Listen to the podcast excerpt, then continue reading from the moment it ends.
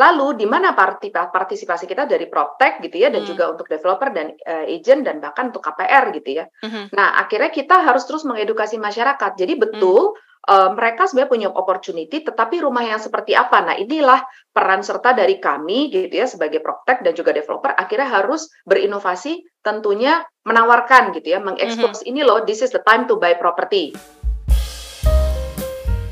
DS Podcast minggu ini bersama saya Yeni Yusra.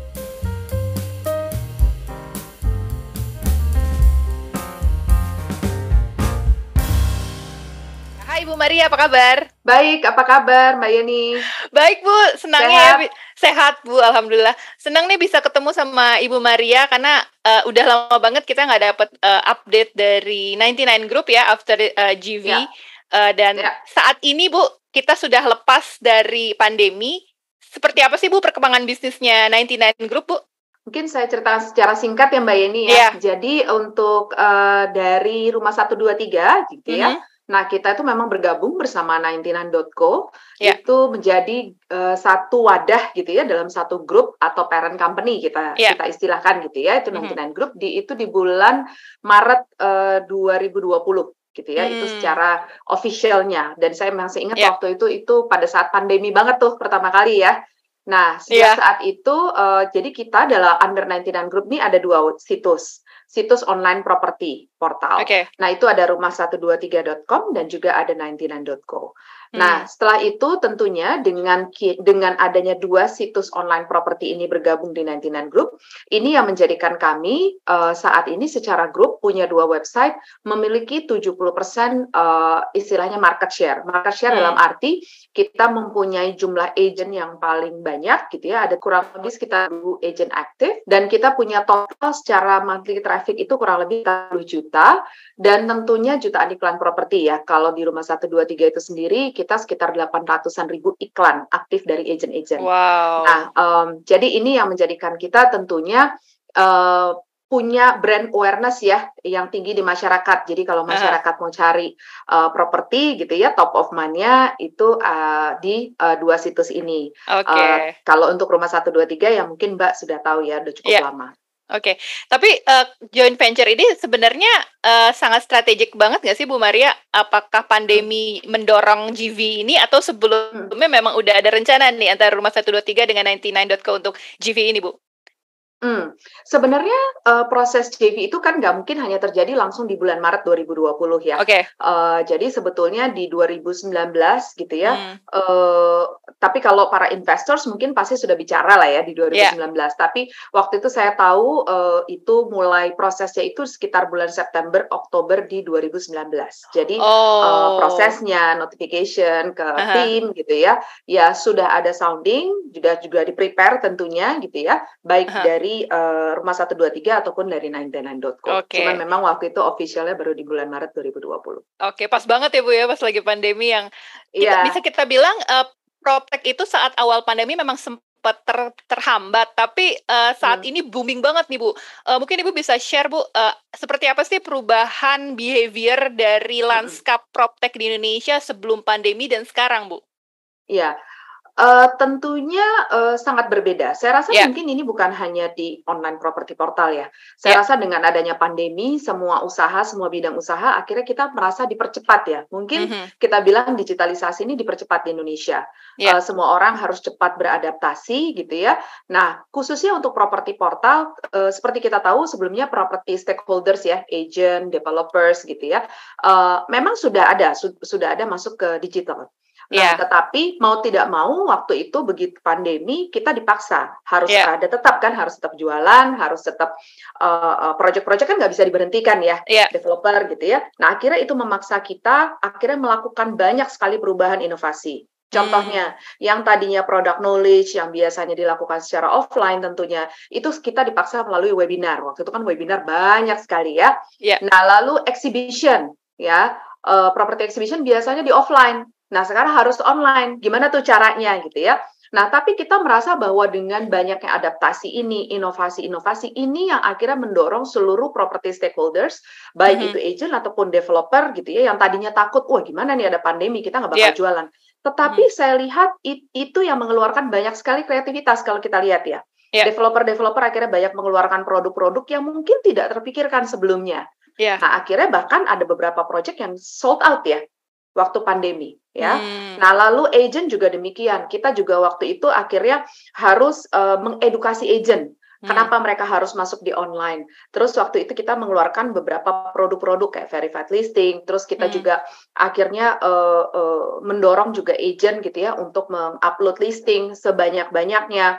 Lalu kita juga melakukan uh, consumer uh, webinar gitu ya. Hmm. Nah bahkan sekarang lately kita melakukan juga yang namanya sama KOL dan lain sebagainya. Jadi banyak sekali sih inovasi-inovasi yang kita lakukan sebagai proptech dan tentunya kita terus berkembang. Akhirnya yeah. sampai saat ini kita mengeluarkan banyak sekali produk-produk gitu ya mm. untuk mempermudah konsumer untuk mencari properti. Bahkan sampai exhibition pun kita akan ada adakan uh, online dan hasilnya sangat-sangat memuaskan.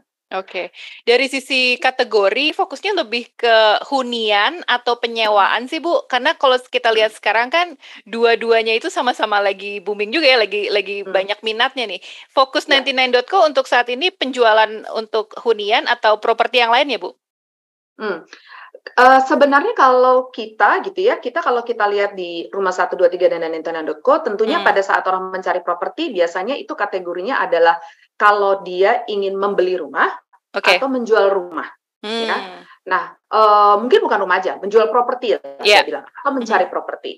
Nah, uh, kita memang saat ini tentunya uh, masih banyak didominasi oleh pencari memang pada saat dia ingin membeli rumah okay. atau melakukan pembelian, hmm. baik itu rumah, apartemen, gitu ya, uh, shop house uh, mm-hmm. tanah gitu ya dan bahkan ada komersial-komersial lain sampai hotel pun ada yang memasarkan. Wow. Tetapi memang dominasinya itu ya hampir 80% itu masih ada di uh, landed atau artinya rumah. Oke. Okay. Tapi tidak memungkiri bahwa sebetulnya apartemen gitu ya semenjak mm-hmm. pandemi gitu ya uh, mengalami tren kenaikan tren kenaikan hmm. artinya apa? Mungkin masyarakat sudah mulai aware gitu ya bahwa apartemen ini bisa dijadikan salah satu pilihan properti. Nah, Ya, selain hmm. itu kita juga uh, bisa lihat gitu ya kalau dari sewa ya. Sewa kemarin pada saat pandemi ini ada seasonality yang menarik gitu ya. Nanti hmm. kita bisa mungkin uh, another session bisa share datanya ke daily social gitu yeah. ya. Uh, at one point kemarin waktu pandemi banyak banget tuh orang melakukan penyewaan kayak apartemen gitu ya. Mungkin hmm. untuk apa uh, untuk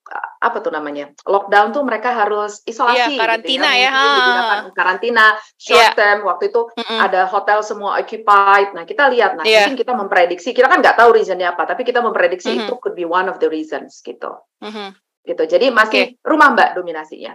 Iya, dari sisi demografi kan uh, beberapa berita me, uh, mengabarkan saat ini kayaknya untuk Gen Z milenial kesulitan untuk beli rumah. Tapi kalau dari rumah 123 dan 99.co sendiri melihatnya seperti apa sih Bu perubahan atau uh, shiftingnya ini? Apakah benar uh, kalang generasi muda kesulitan atau ternyata udah mulai ada traksi dari kalangan tersebut Bu? Uh, sebenarnya kalau dibilang kesulitan, uh, tidak ya. Hmm. Uh, tapi yang perlu dilakukan oleh seluruh proptech proptech dan bahkan, uh, government menurut saya adalah edukasi okay. terus-menerus. Tapi hmm. memang secara pool of opportunities, memang milenial ini akan menjadi, uh, bahkan sekarang ya, menjadi salah satu pool yang terbesar. Wow. Nah, ya kan? Karena okay. generasi yang sekarang ini yang uh, uh, secara populasi udah pasti yang paling besar ada di, di Gen Z dan milenial. Yeah. Yeah. Nah, lalu di mana partisipasi kita dari PropTech gitu ya dan hmm. juga untuk developer dan uh, agent dan bahkan untuk KPR gitu ya. Mm-hmm. Nah, akhirnya kita harus terus mengedukasi masyarakat. Jadi betul mm uh, mereka sebenarnya punya opportunity, tetapi rumah yang seperti apa? Nah, inilah peran serta dari kami gitu ya sebagai proptech dan juga developer akhirnya harus berinovasi tentunya menawarkan gitu ya, mengekspos mm -hmm. ini loh, this is the time to buy property. Kalau nggak sekarang, nanti lebih susah, gitu ya. Yeah. Nah, lalu dari developer juga menyediakan berbagai macam pilihan tentunya. Rumah-rumah kalau Mbak lihat sekarang mungkin daripada rumahnya besar dikecilkan, tapi yeah. mungkin lebih ke two or three stories gitu ya. Karena harganya kalau misalnya landnya lebih besar, pasti nggak akan bisa afford, kan seperti yeah. itu. Ya. Nah, jadi karena mereka tahu preferensi milenial ini percaya atau enggak, mungkin masih banyak yang pengen rumah karena ini lebih Ya. ke kultur ya. Nah, Ya. jadi developer menyediakan opsi-opsi itu. Nah, Hmm. tetapi saya yakin ada satu saat nanti kalau memang milenial tidak memutuskan untuk membeli rumah saat ini, mungkin pilihannya tetap ada karena land kan nggak mungkin ber, eh, nggak mungkin nambah terus ya Iya. di satu area pasti ya landnya segitu-gitu aja. Iya. Nah, akhirnya mereka harus melakukan pilihan untuk pindah ke daerah yang lain yang memang bukan di kota. Hanya itu aja Hmm. alternatifnya.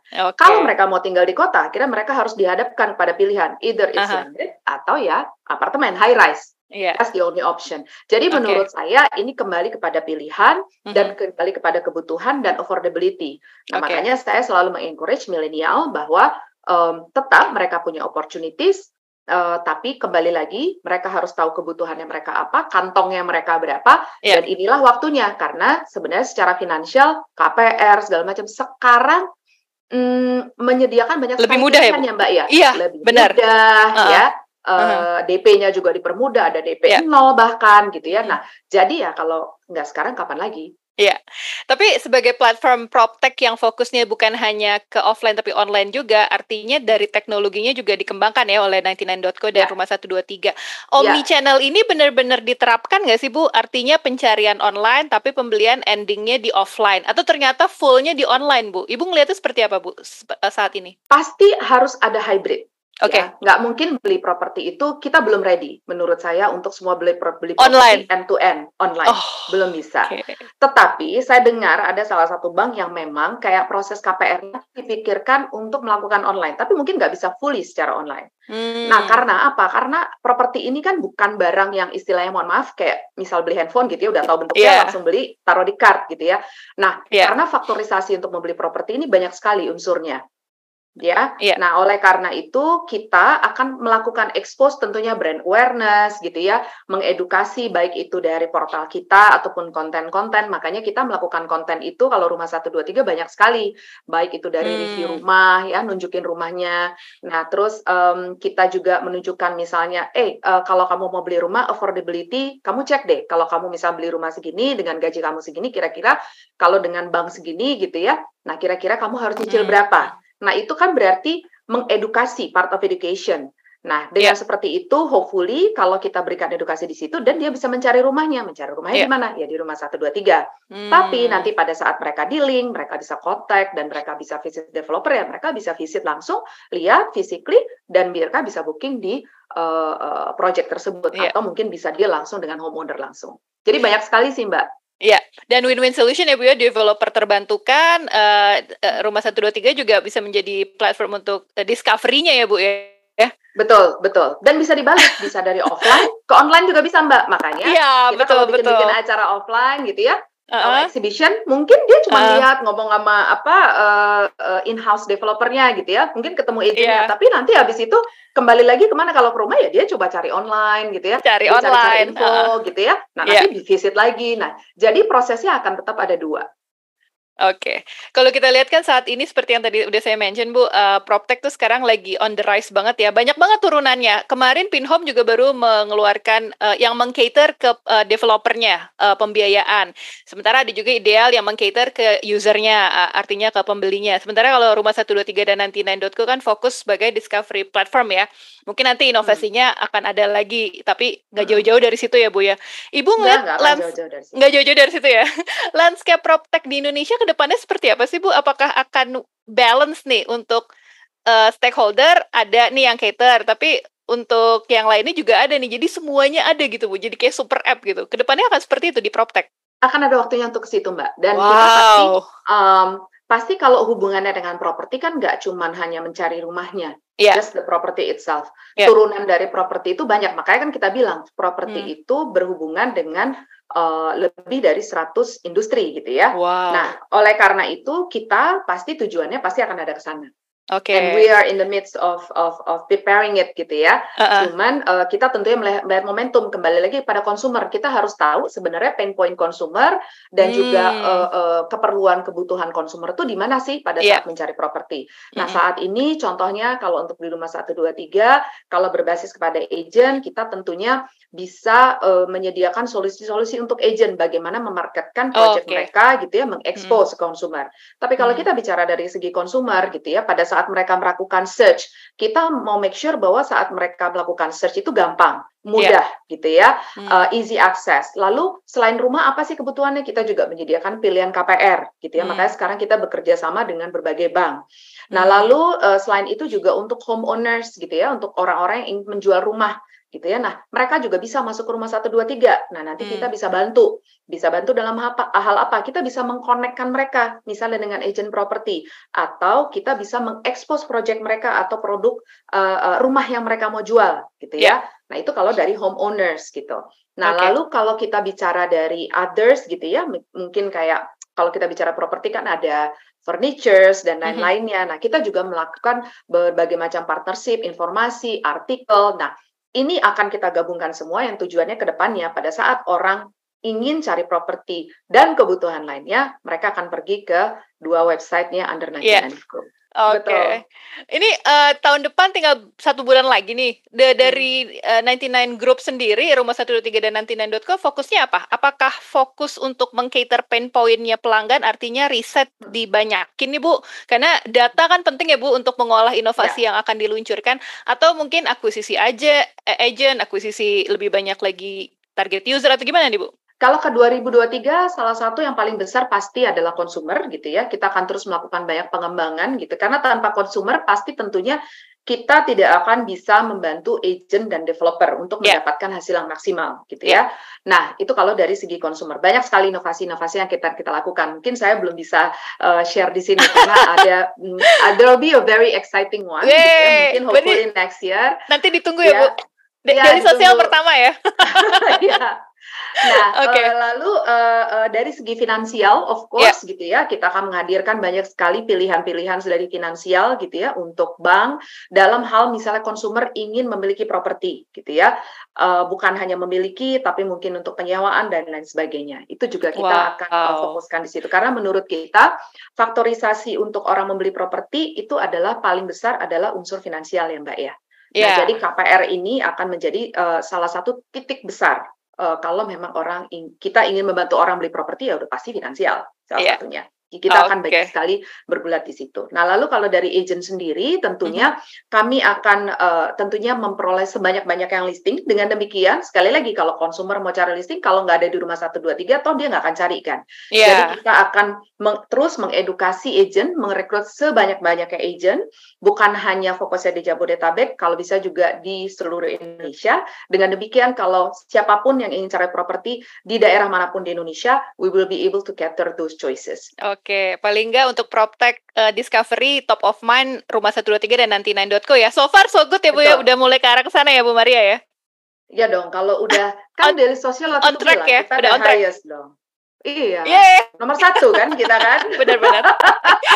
dan semoga tetap di atas ya Bu ya. Amin, amin, okay. amin. Terus didukung ya Mbak ya. Yo, i. Oke Bu Maria, terima kasih atas waktunya. Kita tunggu uh, update Sama-sama. dan perkembangan bisnis dari 99 Pasti. Group. Ada Rumah 123, ada 99.co dan kita tunggu terus kabar terbarunya Bu Maria. Sukses buat 99 Group ya Bu ya. Terima kasih Mbak Yeni. Terima, terima kasih Bu, sama-sama. Terima kasih, sehat-sehat. DS Podcast minggu ini bersama saya Yeni Yusra.